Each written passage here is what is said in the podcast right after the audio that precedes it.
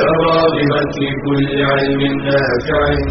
ينمو العلم ويتقدم. بتقنياته ومجالاته.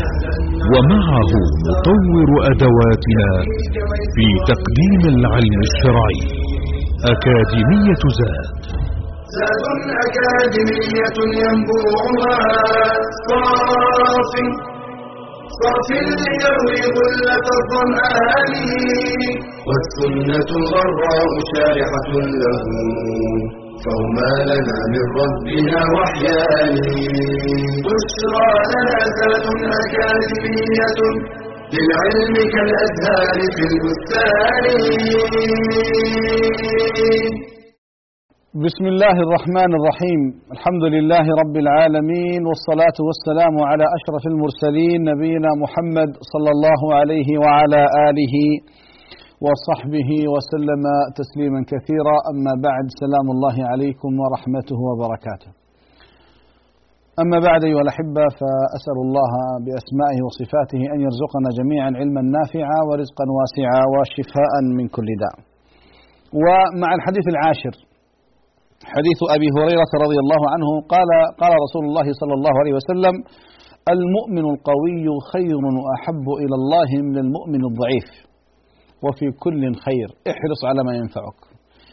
واستعن بالله ولا تعجز ولا وإن أصابك شيء فلا تقل لو أني فعلت كذا لكان كذا ولكن قل قدر الله وما شاء فعل فإن لو تفتح عمل الشيطان رواه مسلم. الراوي أبو هريرة مر معنا كثيرا أيها الأحبة وهو من أشهر رواة الأحاديث عن النبي صلى الله عليه وسلم وأكثر من روى عن المصطفى صلى الله عليه وسلم. آه قال صلى الله عليه وسلم دعونا نمر كذا سريعا على مفردات الحديث. قال المؤمن القوي يعني في إيمانه لأنه يحمله ذلك على أن يقوم بما أوجب الله تعالى عليه وضعيف الإيمان يكون إيمانه ضعيفا فلا يحمله على فعل الواجبات وترك المحرمات. إذا هنا عندنا قضية إيش؟ أن الإيمان يزيد وينقص. طيب.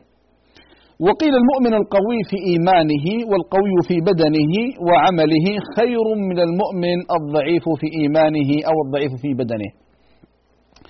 الحديث أيها الأحبة له عدة معاني ظاهرة يعني قد يكون إيمان المؤمن القوي خير وأحب سواء في الإيمان سواء في العمل سواء في الجسد سواء في العلم سواء في القوة سواء في التقنيات مثلا. لأن الدين أيها الأحبة دائما جاء ليكمل ليكمل المجتمعات. قال وفي كل خير. يعني سواء في المؤمن الضعيف فيه خير وفي المؤمن القوي فيه خير. لاشتراكهما في مسمى الإيمان. قال وإنما قال وفي كل خير لئلا يتوهم أحد من الناس أن المؤمن الضعيف لا خير فيه فإن المؤمن الضعيف خير بالتوحيد والعبادة والذكر وغير ذلك. احرص على ما ينفعك أي احرص على طاعة الله تعالى والرغبة فيما عنده. احرص على ما ينفعك في أمور الدنيا والآخرة. استعن بالله. أي لا تنسى الاستعانة بالله ولو على الشيء اليسير وكن على يقين أنه لولا عون الله ما تيسرت أمورك. نعم والله لولا الله ما اهتدينا ولا تصدقنا ولا صلينا.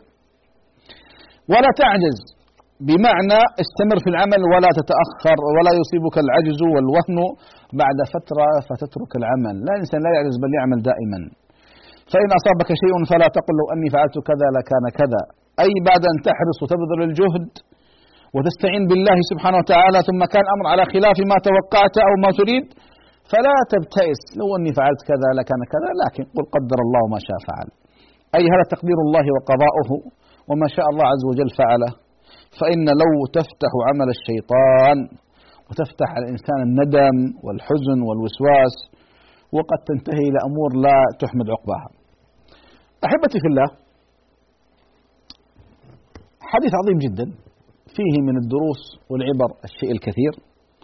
يعني أنا لا أدري كيف سأحيط علما بهذا الحديث لأن كل لفظة تحتاج إلى وقفة.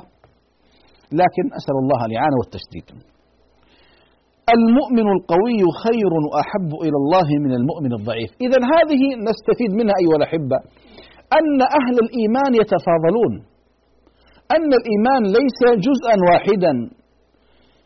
النبي صلى الله عليه وسلم يقول الإيمان بضع وستون شعبة أو بضع وسبعون شعبة فأعلاه أعلاه لا إله إلا الله وأدناه إماطة الأذى عن الطريق والحياء شعبة من الإيمان. الإيمان أيها الأحبة يزيد بالطاعة وينقص بالمعصية فكلما زاد الإنسان من الطاعات والحسنات والقربات زاد إيمانه. وكلما أسرف على نفسه وقصر قل إيمانه ونقص إيمانه.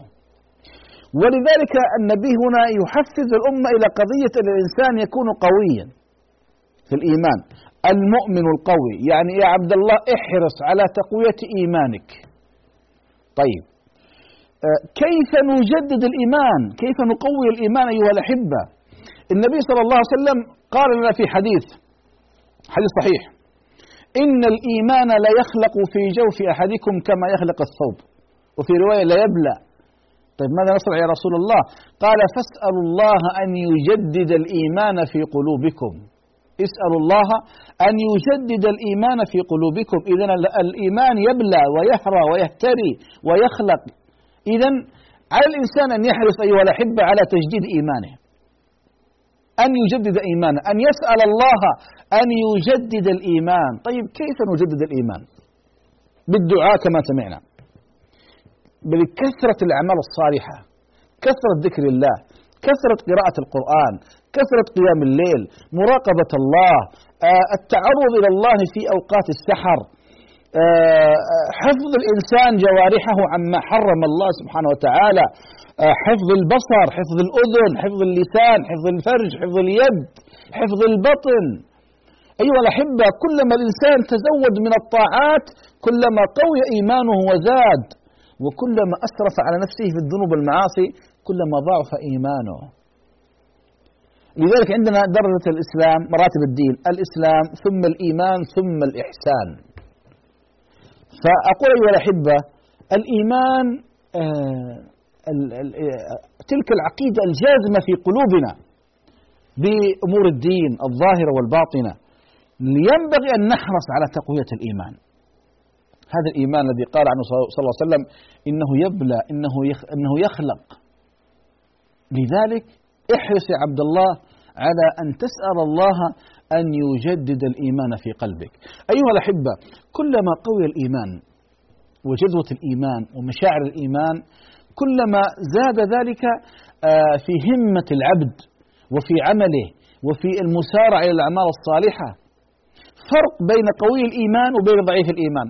إن قوي الإيمان أيها الأحبة يستطيع أن يعمل أعمال كثيرة جدا ويتحمل ويصبر ويضحي ويجالد ويصبر ويصابر.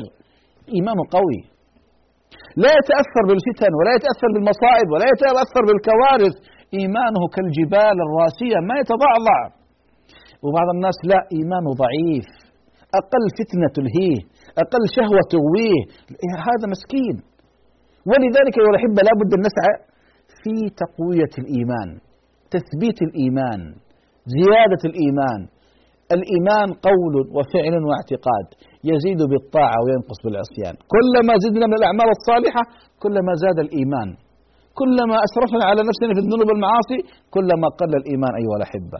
ولذلك المؤمن سيعيش حياة عجيبة كما قال ابن تيمية رحمه الله إن في الدنيا جنة من لم يدخلها لم يدخل جنة الآخرة. قالوا ما هي رحمك الله؟ قال جنة الإيمان. جنة الإيمان. إذا وصلت إلى سويداء القلب أصبح الإنسان في الدنيا يعيش كأنه في الآخرة. يعيش جنة حقيقية. كما قال إبراهيم بن أدم رحمه الله والله إن في سعادة لو علم بها الملوك وأبناء الملوك لجالدون عليها بالسيوف. المؤمن القوي خير وأحب إلى الله من المؤمن الضعيف. طيب. قال وفي كل خير. طيب. قد الإنسان يأخذ كلمة القوي آه، بمعنى مجرد. يعني القوي في إيش؟ القوي في الإيمان ممكن. القوي في الجسد ممكن. القوي في العلم ممكن. القوي مثلا في المشاعر ممكن. القوي في التخصص التقوى ممكن في الغنى ممكن لأن اللفظ أيها الأحبة يحتمل ولذلك النبي صلى الله عليه وسلم أوتي جوامع الكلم وفواتحه وخواتمه. فالنبي صلى الله عليه وسلم يقول الكلمة الواحدة ويدخل تحت معاني كثيرة. فلا نحصر اللفظ أيها الأحبة على قضية الإيمان اللي هو الذي الذي في القلوب. لا اللفظ يحتمله ويحتمل ما سواه. ولذلك لما قال وفي كل خير هل الضمير يعود على المؤمن الضعيف القوي أو على جميع أنواع التخصص في في القوة؟ اللفظ يحتمل. اللفظ يحتمل. فالقوة في الإيمان مطلوبة. القوة في الجسد مطلوبة. في العلم مطلوبة. في التقوى مطلوبة. في الغنى مطلوبة. في كل شيء مطلوبة يا أيها الأحبة. قال وفي كل خير. تأكيد. تأكيد أن مبدأ القوة ها? مطلوب في كل شيء. حتى وأعدوا لهم ما استطعتم من قوة ومن رباط الخيل ترهبون به عدو الله وعدوكم. أيها الأحبة ديننا دين القوة ليس دين الدروشة. ديننا دين التميز والإبداع والقوة والتمكين. ما هو دين الخذلان والدروشة والضعف والسكون؟ لا. عائشة رضي الله عنها وأرضاها أيها الأحبة رأت شبابا يمشون يعني متماوتين بعض الناس أيها الأحبة يظن أن الدين نوع من الدروشة والتماوت والضعف فلما رأتهم قالت من هؤلاء؟ قالوا هؤلاء المتنسكة. وناس متنسكين شباب متنسكين يظنون ان ان الدين نوع من الضعف والخور وطأطأة الرؤوس. فقالت رضي الله عنها وأرضاها كان عمر إذا مشى أسرع. وإذا أكل أشبع وإذا ضرب أوجع وكان خيرا منهم. هذا عمر. هذا الصح هذا الميزان الحقيقي. ديننا ما هو دين الدروشه أيها الأحبة دين القوة. وإذا ليس دين الجبروت لا دين القوة في الحق. ولذلك رأى عمر رضي الله عنه وأرضاه رجلا يمشي متماوتا فضربه بالدرة. وقال لا تمت علينا ديننا أماتك الله. ارفع رأسك كن قوي. المؤمن يعني لما دخل ربعي بن حاتم رضي الله عنه وأرضاه على رستم دخل عليه معه فرس عقور هيكل عظمي ورمح مسلم ودخل عليه وكلما وجد نمرقة طعنها وكلما سجالة مزقها ودخل عليه وهو مرفوع الرأس لأنه مسلم. نعم قال تريد أن أن تقاتلون بهذا الفرس العقور وهذا الرمح المسلم ما الذي جاء بكم؟ تبغون طعام أعطيناكم لباس كسوناكم. فقال بعزة المؤمن نحن قوم. أرسلنا الله وابتعثنا الله لنخرج الناس من عبادة العباد إلى عبادة رب العباد. ومن جور الأديان إلى عدل الإسلام ومن ضيق الدنيا إلى سعة الآخرة. هكذا الإنسان المسلم يعتز بدينه وبشخصيته ها؟ ما هو حضرة المكرم وفضيلة ودري كذا والأخ والمستر فلان؟ لا لا لا لا أنا مؤمن. أنا لا أظلم لكن أيضا لست لست ضعيفا. حاكم للروم عدا على ملكة الروم في زمن هارون الرشيد وكانوا يدفعون الجزية لهارون الرشيد. فجاء هذا وأخذ الملك وأرسل رسالة تهديد إلى هارون الرشيد يطلبه بإعادة الأموال. ويتوعد مباشرة فقلب هارون الرشيد رحمه الله الورقة وكتب على ظهرها من هارون الرشيد أمير المؤمنين إلى نقفور كلب الروم. الجواب ما تراه لا ما تسمعه. وما هي إلا سويعات أو أيام وإذا بنقفور كلب الروم يأتي ذليلا إلى هارون يعتذر. هذه العزة ولله العزة ولرسوله وللمؤمنين ولكن أكثر الناس لا يعلمون. ديننا دين القوة أيها الأحبة. دين السؤدد دين المكانة العظيمة. نحن قوم أعزنا الله بالإسلام فإذا ابتغينا العزة في غيره أذلنا الله. ولذلك أحبتي في الله نحن نعتز بديننا وبعقيدتنا وبقرآننا. وديننا يأمرنا أن نتميز أن نكون أقوياء في الطب في الهندسة في العلم في الشريعة في التاريخ في كل شيء أقوياء. هكذا المسلم أيها الأحبة وفي كل خير. نتوقف أيها الأحبة عند هذا الفاصل ثم نعود بعد ذلك. وصلى الله على محمد وعلى آله وصحبه وسلم والحمد لله رب العالمين.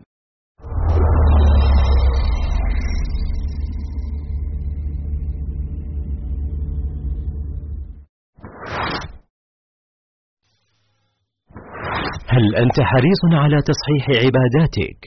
هل ترجو أن يتقبلها الله؟ اطلب العلم إذ لا تصح العبادة إلا به قال تعالى فاعلم أنه لا إله إلا الله واستغفر لذنبك وللمؤمنين والمؤمنات وشرط قبول طلب العلم الإخلاص فيه بألا تريد به إلا وجه الله قال تعالى قل إني أمرت أن أعبد الله مخلصا له الدين. وبالإخلاص ترزق صحة الفهم وقوة الاستنباط. قال صلى الله عليه وسلم من يرد الله به خيرا يفقهه في الدين. وبالإخلاص يذعن المتعلم للحق ويقبل النقد. قال الذهبي علامة المخلص أنه إذا عوتب لا يبرئ نفسه بل يعترف ويقول رحم الله من أهدى إلي عيوبي. ويجب أن يتوفر الإخلاص في التعلم والتعليم والتأليف. قال أبو داود الطيالسي ينبغي للعالم إذا حرر كتابه أن يكون قصده بذلك. نصرة الدين لا مدحه بين الأقران لحسن التأليف. فأخلص النية وأحذر من فسادها. كطلب العلم لأجل المال والثروة أو الجاه والشهرة أو المراء والجدل فإن ذلك يفسد العمل. قال تعالى وقدمنا إلى ما عملوا من عمل فجعلناه هباء منثورا.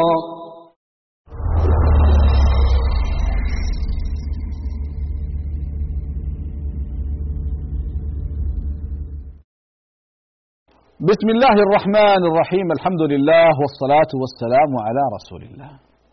وبعد فما زلنا مع هذا الحديث العظيم وتكلمنا أيها الأحبة عن أهمية قوة المؤمن. مطلب.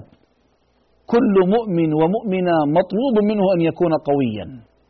في دين الله في شرع الله في عبادته في مراقبته في العمل.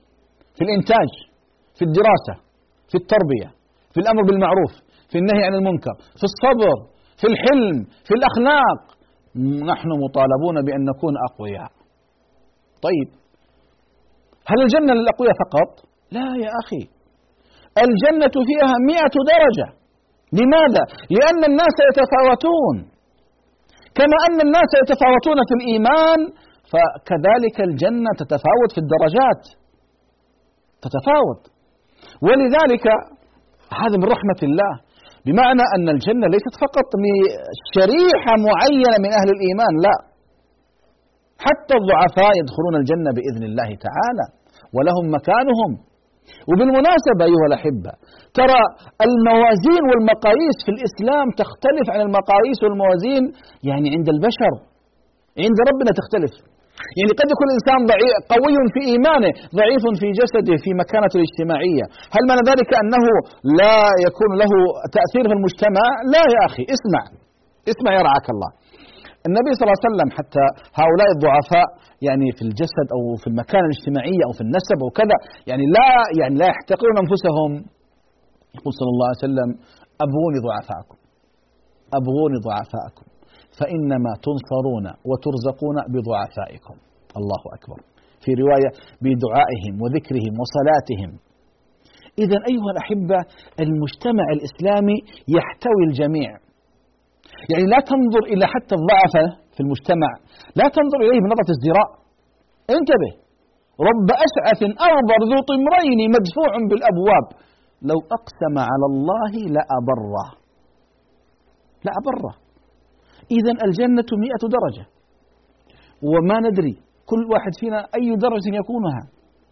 إذا نحن أيها الأحبة مطالبون بأن نكون أقوياء في أجسادنا حتى في مراتبنا وفي شهاداتنا وفي وظائفنا ها؟ وفي أجسادنا وفي كل شيء. لكن وفق كتاب ربنا وسنة نبينا صلى الله عليه وسلم. إذا رأينا الضعيف ها؟ لا نزدريه لا نحتقره. لا ننظر إليه من علو. لا يا أخي قد يكون هذا الضعيف على ثغر من الثغور.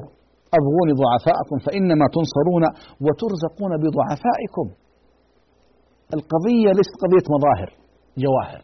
إن الله لا ينظر إلى صوركم ولا إلى أجسادكم ولا إلى أموالكم ولكن ينظر إلى قلوبكم وأعمالكم. قلوبكم وأعمالكم. هنا القضية. هنا المحك الرئيسي أيها الأحبة. ولذلك كان أكثر دعاء النبي صلى الله عليه وسلم اللهم يا مقلب القلوب ثبت قلبي على طاعتك.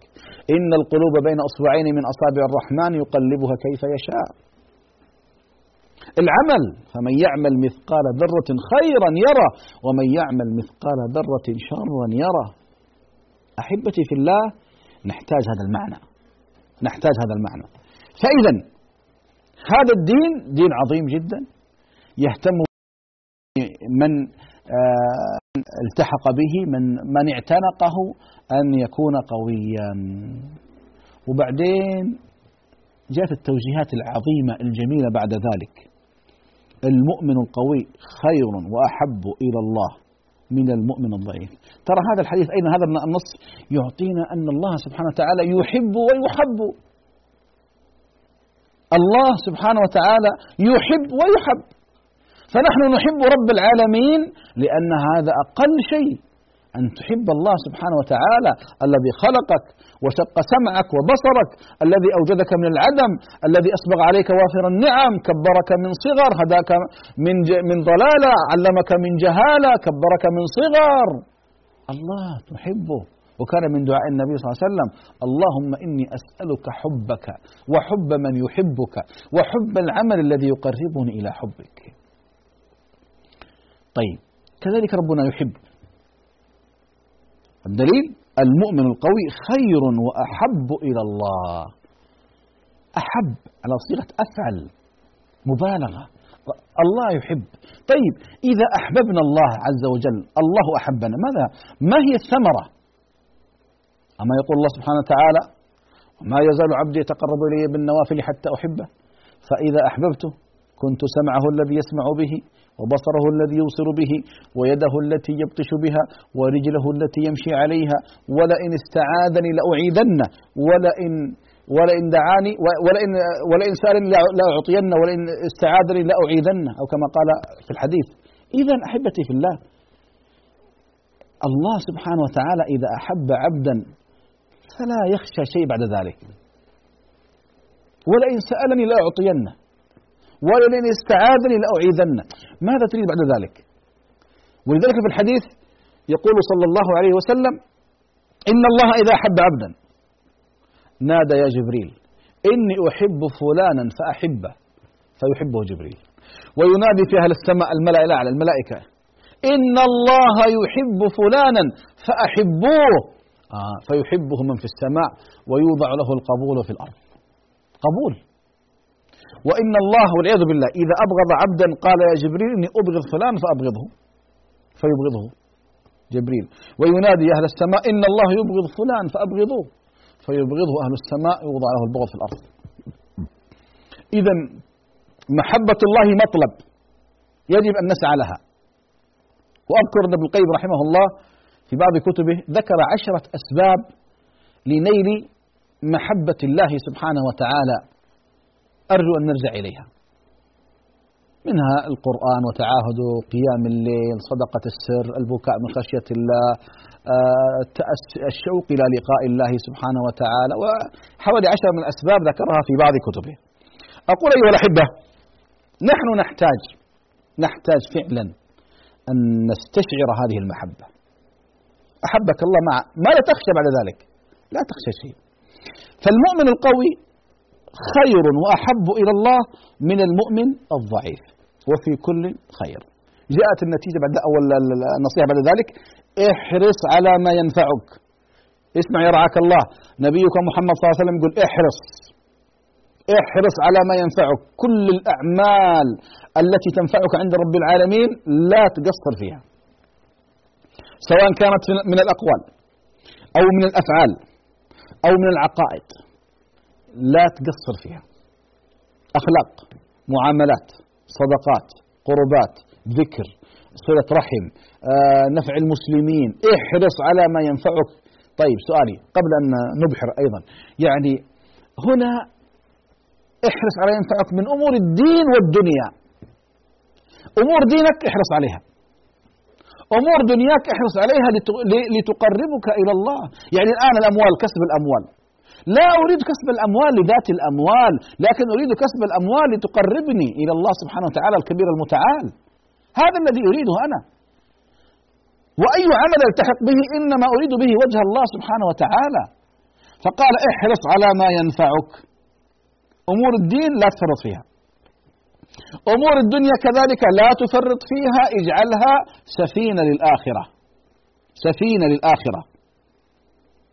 يعني الإنسان حريص يا إخواني ترى يعني ترى الدين ليست فقط في المسجد. لا يا أخي الدين في المسجد وفي البيت وفي العمل وفي السوق وفي الشارع وفي الطريق.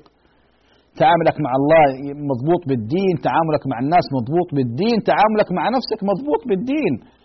هذا هو الدين أيها الأحبة. ولذلك قال صلى الله عليه وسلم احرص على ما ينفعك. هذه هذه وصية عظيمة جدا من الرسول صلى الله عليه وسلم. كل ما ينفعك في دينك ودنياك احرص عليه. لا تفرط لا تغفل لا تنام. وترى يا إخواني ضد الحرص إيش؟ الغفلة. الغفلة وهي من أعظم وسائل إبليس في إضلال بني آدم وإغوائه وخسرانه. ذكر ابن الجوزي رحمه الله في كتابه تلبيس إبليس قصة. أن أن إبليس خرج ليحيى بن زكريا وعليه برنس وهذا البرنس عليه خطاطيف. فذكر أنه يعني قال ما هذا؟ قال هذه أسلحتي في اصطياد بني آدم. قال هل نلت مني شيئا بها؟ قال نعم. قال وما ذاك؟ قال قدم لك ليلة طعام فشهيته لك فأكلت منه حتى ثقلت عن قيام الليل. فقال يحيى عليه السلام لله علي ألا أشبع بعد اليوم. فقال الشيطان لله علي ألا أنصح مسلما بعد اليوم. الشيء الغفلة كارثة. الغفلة من أكبر أسلحة إبليس في إغواء بني آدم. اسمع ماذا يقول الله سبحانه وتعالى؟ ولقد ذرأنا لجهنم كثيرا من الجن والإنس. لهم قلوب لا يفقهون بها ولهم أعين لا يبصرون بها. ولهم آذان لا يسمعون بها.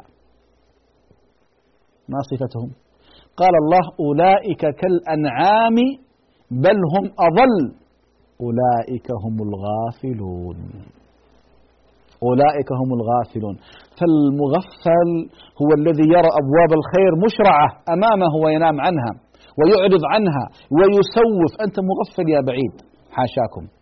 ولذلك المؤمن أيها الأحبة أي فرصة تأتيه أي فرصة تأتيه يغتنمها.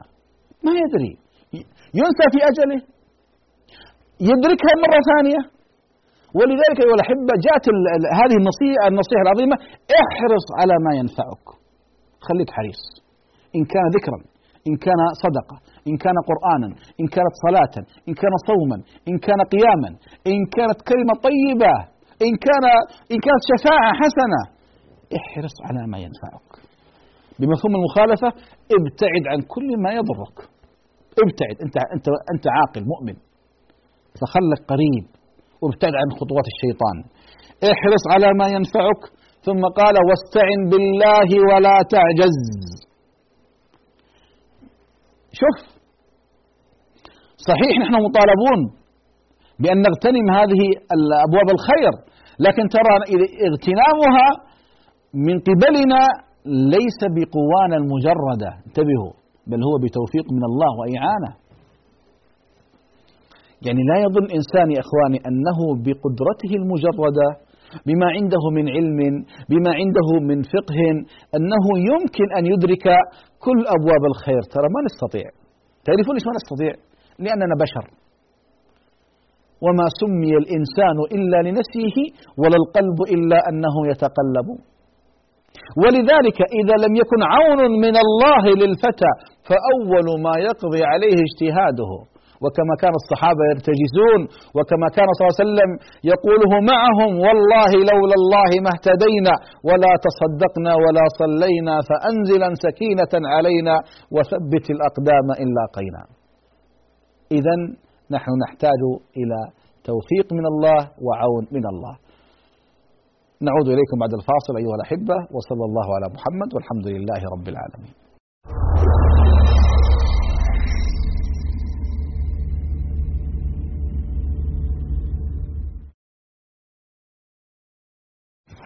ربما تحب أحد الأبناء أو البنات أكثر من إخوتهما إما لبره أو أدبها أو غير ذلك.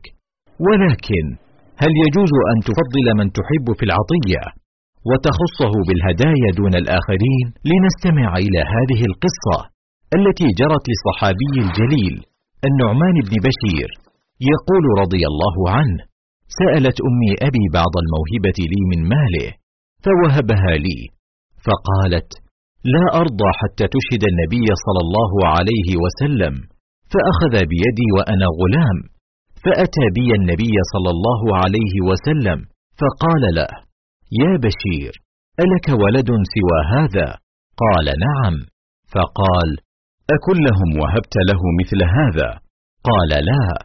قال فلا تشهدني اذا فإني لا أشهد على جور.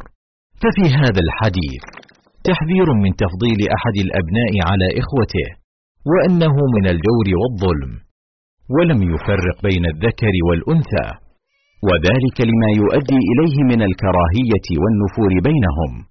ولا حرج في الميل القلبي لأحد الأولاد دون غيره لأن ذلك أمر ليس في مقدور العبد وإنما الذي يحرم أن يفضل المحبوب على غيره بالعطايا دون سبب شرعي.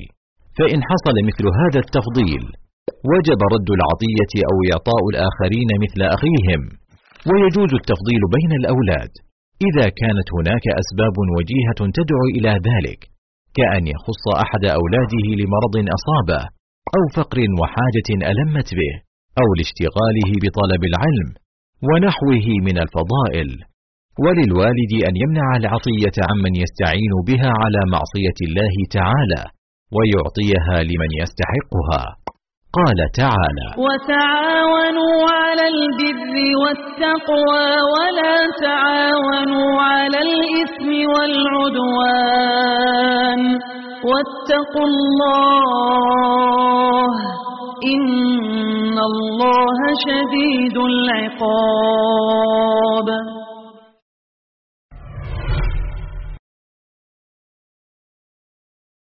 مجموعة زاد تقدم لكم نخبة مميزة من إصداراتها. كتاب كيف عاملهم صلى الله عليه وسلم للشيخ محمد صالح المنجد. أربعون نصيحة لإصلاح البيوت. أدرك أهلك قبل أن يحترقوا. المجمعات التجارية آداب وأحكام. زاد الحج. زاد الصائم. طوبى للشام. كيف تقرأ كتابا؟ معاني الأذكار. اترك أثرا قبل الرحيل. وكتاب بدعة إعادة فهم النص. لمزيد من المعلومات يرجى زيارة المواقع التالية.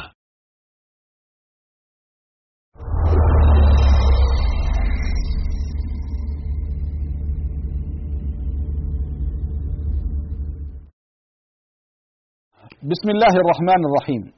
الحمد لله. والصلاة والسلام على رسول الله وعلى آله وصحبه ومن والاه. أما بعد سلام الله عليكم ورحمته وبركاته. أحبتي في الله. يقول صلى الله عليه وسلم احرص على ما ينفعك واستعن بالله ولا تعجز. أحبتي في الله نحن في كل ركعة في كل مرة نقرأ الفاتحة إياك نعبد وإياك نستعين إياك نعبد وإياك نستعين. إذا الله سبحانه وتعالى ما أعاننا ما يمكن أن نعبده سبحانه. قد الله سبحانه وتعالى يوكلنا إلى أنفسنا فنهلك. ولذلك النبي صلى الله عليه وسلم علم فاطمة رضي الله عنها وأرضاها البضعة التي منه ريحانة قلبه. فاطمة رضي الله عنها وأرضاها قال يا بني لما لا تقولين ما أوصيك به؟ لا تدعي إذا أصبحت وإذا أمسيت أن تقولي اللهم يا حي يا قيوم برحمتك أستغيث أصلح لي شأني كله ولا تكلني إلى نفسي طرفة عين.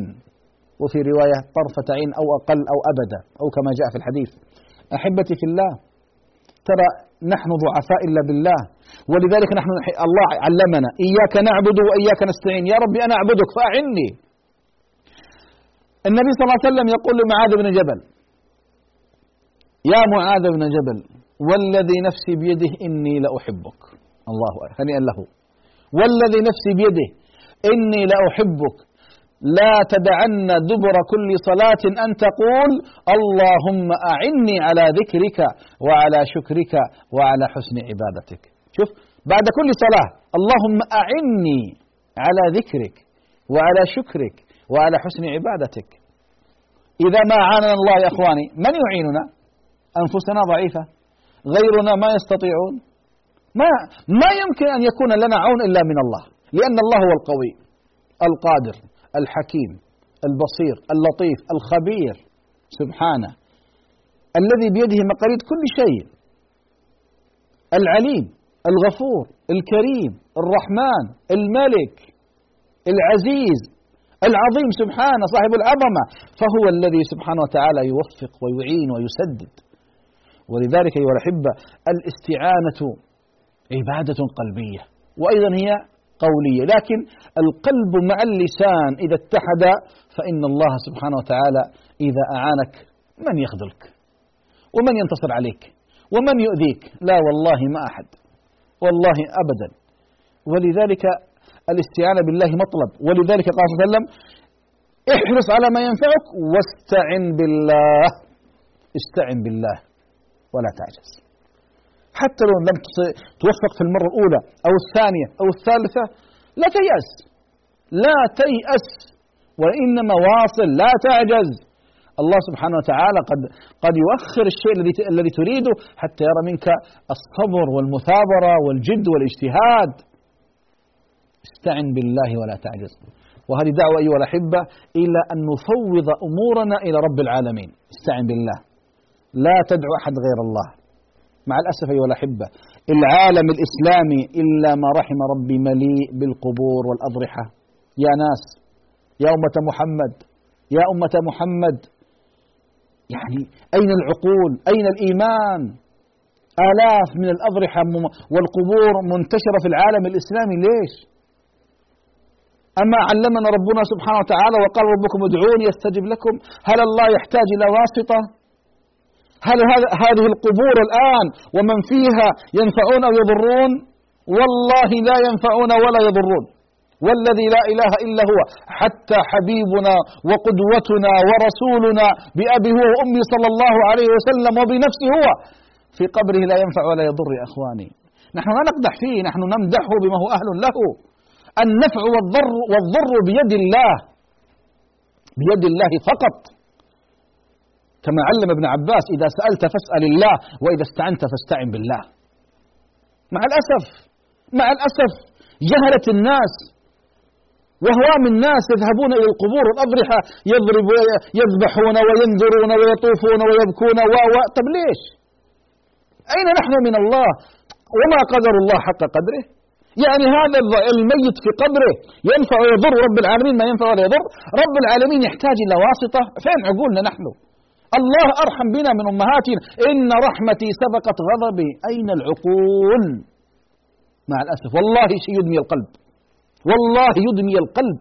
لما نرى الأضرحة في كثير من البلاد الإسلامية. ليش؟ أين التوحيد؟ وأين علماؤهم؟ لماذا يسكتون؟ لماذا يسكتون؟ تعبد من دون الله؟ تدعى من دون الله؟ يطاف بها؟ ينذر لها؟ يذبح لها؟ لا إله إلا الله. لا إله إلا الله. أين الدين؟ أين الدين يا إخواني وأخواتي؟ لذلك الإنسان يدعو ربه في الصغيرة والكبيرة. كان السلف الصالح يدعون الله عز وجل في كل شيء. لو واحد انقطع نعله دعا الله أن يصلح له نعله. احتاج ملح لبيتي دعا الله أن يرزقه ملحا لبيتي. لكن الجهل هذا الموجود الآن مع انتشار الثورة المعلوماتية والإنترنت والقنوات يا إخواني الهوى كارثة. ولذلك النبي يقول استعن بالله. ما هو بالقبر؟ ما هو بالقبر؟ وإذا قلنا كذا قالوا أنتم وهابية. وهابية؟ يا أخي اتركونا من الكلام الفاضي هذا. ماذا جاء محمد بن عبد الله؟ بماذا؟ والله إن جاء بشيء يخالف الكتاب والسنة لنرمي به عرض الحائط. أقسم بالله. وكل السلف هكذا. أبو حنيفة والشافعي ومالك وأحمد بن حنبل وكبار العلماء يقولون إذا وجدتم كلام يخالف كلام رسول الله فاضربوا بعرض الحائط. لكن التشويه الإعلامي الوهابية والوهابية. من قال أن هناك مذهب وهابي؟ آه محمد بن عبد الوهاب رحمه الله مذهبه مذهب الإمام أحمد رحمه الله. في في الفقه. وأما في العقائد فكل الأمة مذهبها واحد. هو رسول الله صلى الله عليه وسلم. ما جاء به في الكتاب والسنة. العقائد يا إخواني ما فيها مذاهب انتبهوا. العقائد ما فيها مذاهب. المذاهب فقط في الأمور الفقهية. ولذلك أحبتي في الله ينبغي علينا أن نوعي الأمة بأهمية التوحيد بصرف العبادات لله. يا إخواني يقول الله سبحانه وتعالى أنا أغنى الشركاء عن الشرك. من عمل عملا أشرك فيه معي غيري تركته وشركه. إن الله لا يغفر أن يشرك به ويغفر ما دون ذلك لمن يشاء. ومن يشرك بالله فقد افترى إثما عظيما. إثما عظيما. ماذا بعد ذلك؟ حق الله علينا أن نعبده ولا نشرك به شيئا. وحقه على وحقنا عليه ألا يعذبنا إن نحن فعلنا ذلك. الموجب ما الموجبتان يا رسول الله؟ قال من مات وهو يشرك بالله شيئا وجبت له النار. ومن مات وهو لا يشرك بالله شيئا وجبت له الجنة. أين نحن من هذا؟ فأصبح كثير من الأمة الآن مع الأسف. دعاء الأموات والأضرحة والأولياء والبدوي والزيلعي والسيدة زينب والحسين وحتى ورسول الله صلى الله عليه وسلم. لا ما يجوز. ما يجوز. والله ما يجوز. لكن أين الذين يفهمون؟ أين الذين العقلاء الذين لا يؤجرون عقولهم لغيرهم؟ ضع عقلك هنا أمام كتاب الله وسنة رسول الله فقط. وانظر بعد ذلك. ستسلك الطريق الصحيح ولا لا؟ احرص على ما ينفعك واستعن بالله. يا أخي يا إخواني هناك أعظم من الله. يا إخوان الأمن والأمان والسعادة والطمأنينة والحياة الرغيدة أن تكون في كنف العبودية لله سبحانه وتعالى منطرحا على على على بابه سبحانه تسأله تدعوه تبكيه تفتقر إليه تنكسر له تتذلل له. والله ما هناك حياة أعظم من أن تعيش مع رب العالمين. عبدا ذليلا له فيرفعك. تستغني به تستقوي به تتوكل عليه. مع الأسف ثم قال واستعن بالله ولا تعجز. بالله ولا تعجز في شيء. داوم. من أدمن الطرق يوشك أن يفتح له. بعض الناس يدعو مرة ثنتين ثلاث ما استجاب الله له. خلاص. الله ما حيستجيب. من قال الكلام؟ الله وعد بالإجابة. يقول عمر والله إني لا أحمل هم الإجابة ولكني أحمل هم الدعاء. بس بعض الناس يريد اللهم ارزقني قلما أسودا يأتي قلم أسود ينزل عنده. يا أخي يمكن القلم الأسود يكون سبب هلاكك وموتك. فالدعاء هذا يصرف الله عنك به شر. تأتي يوم القيامة عندك حسنات كالجبال. أي ربي أنا ما فعلت هذا. فيقول إنه بدعائك في الدنيا. فيتمنى العبد أن الله لم يستجب له دعوة واحدة في الدنيا. والله يا إخواني أن الله هو الحكيم. الذي يضع الأمور في أماكنها ويعلم متى يقدم ومتى يؤخر ومتى يعجل ومتى يؤجل. بس مشكلة الإنسان خلق الإنسان من عجل. ثم قال وإن أصابك شيء فلا تقل لو أني فعلت كذا لكان كذا. ولكن قل قدر الله ما شاء فعل فإن لو تفتى عمل الشيطان. يا أخوان الشيطان حريص علينا مع الأسف لكن ليضلنا ما هو ليهدينا. وبالتالي هو معك معك معك مع الأسف يريد أن يسحبك إلى إلى أن تكون من حزبه. يعني بعض الناس يتصدق بصدقة. ثم يكتشف أن اللي يتصدق عليه نصاب. ليس للصدقة يا ريتني ما فعلت. يا ريتني ما تقل يا أخي اتق الله. أنت فعلت أمرا لله اجعله لله خلاص. يذهب في طريق فيحدث له أمر. يا ريتني ما ذهبت. يا أخي اتق الله. قدر الله وما شاء فعل. وارض بما قسم الله لك تكن أغنى الناس. يا أحبتي في الله الحياة السعيدة لا تكون بعد الإيمان إلا بأركانه. أركان الإيمان الإيمان بالله وملائكته وكتبه ورسله واليوم الآخر. والقدر خيره وشره. قدر الله قدر الله ما شاء فعل. والله إخواني يعني لو كشف لنا الحجاب بعض الأوقات ما تتمنى إلا ما قدر الله لك. لأن الله حكيم ورحيم يا إخواني.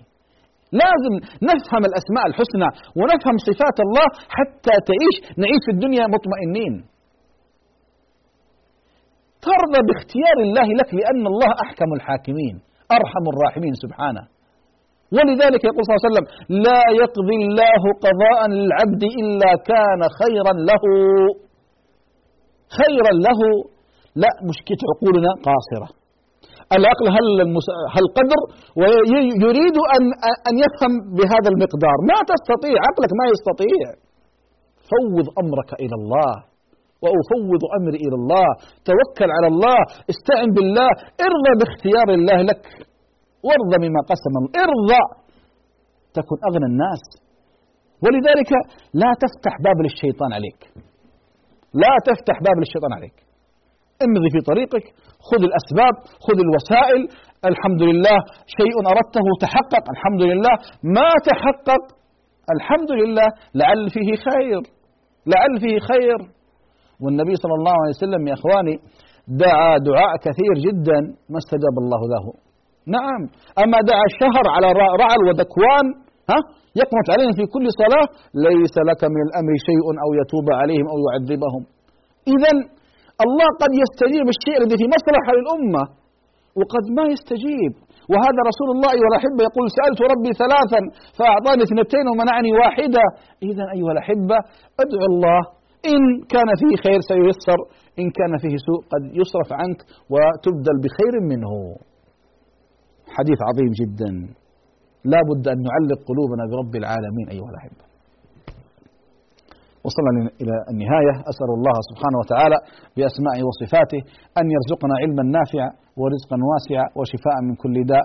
أسأل الله عز وجل أن يبارك في هذه الأكاديمية وأن يستعملنا جميعا في طاعته وأن يعز الإسلام والمسلمين وأن يذل الشرك والمعتدين. وصلى الله على محمد وعلى آله وصحبه وسلم. والحمد لله رب العالمين. يا راغبا في كل علم نافع. متطلعا لزيادة الإيمان. وتريد سهلا النوال ميسرا يأتيك ميسورا بأي مكان. زاد زاد أكاديمية ينبوعها. صاف صاف ليروي غلة الظمآن. والسنة الغراء شارحة له فهما لنا من ربنا وحيان. بشرى لنا ذات أكاديمية للعلم كالأزهار في البستان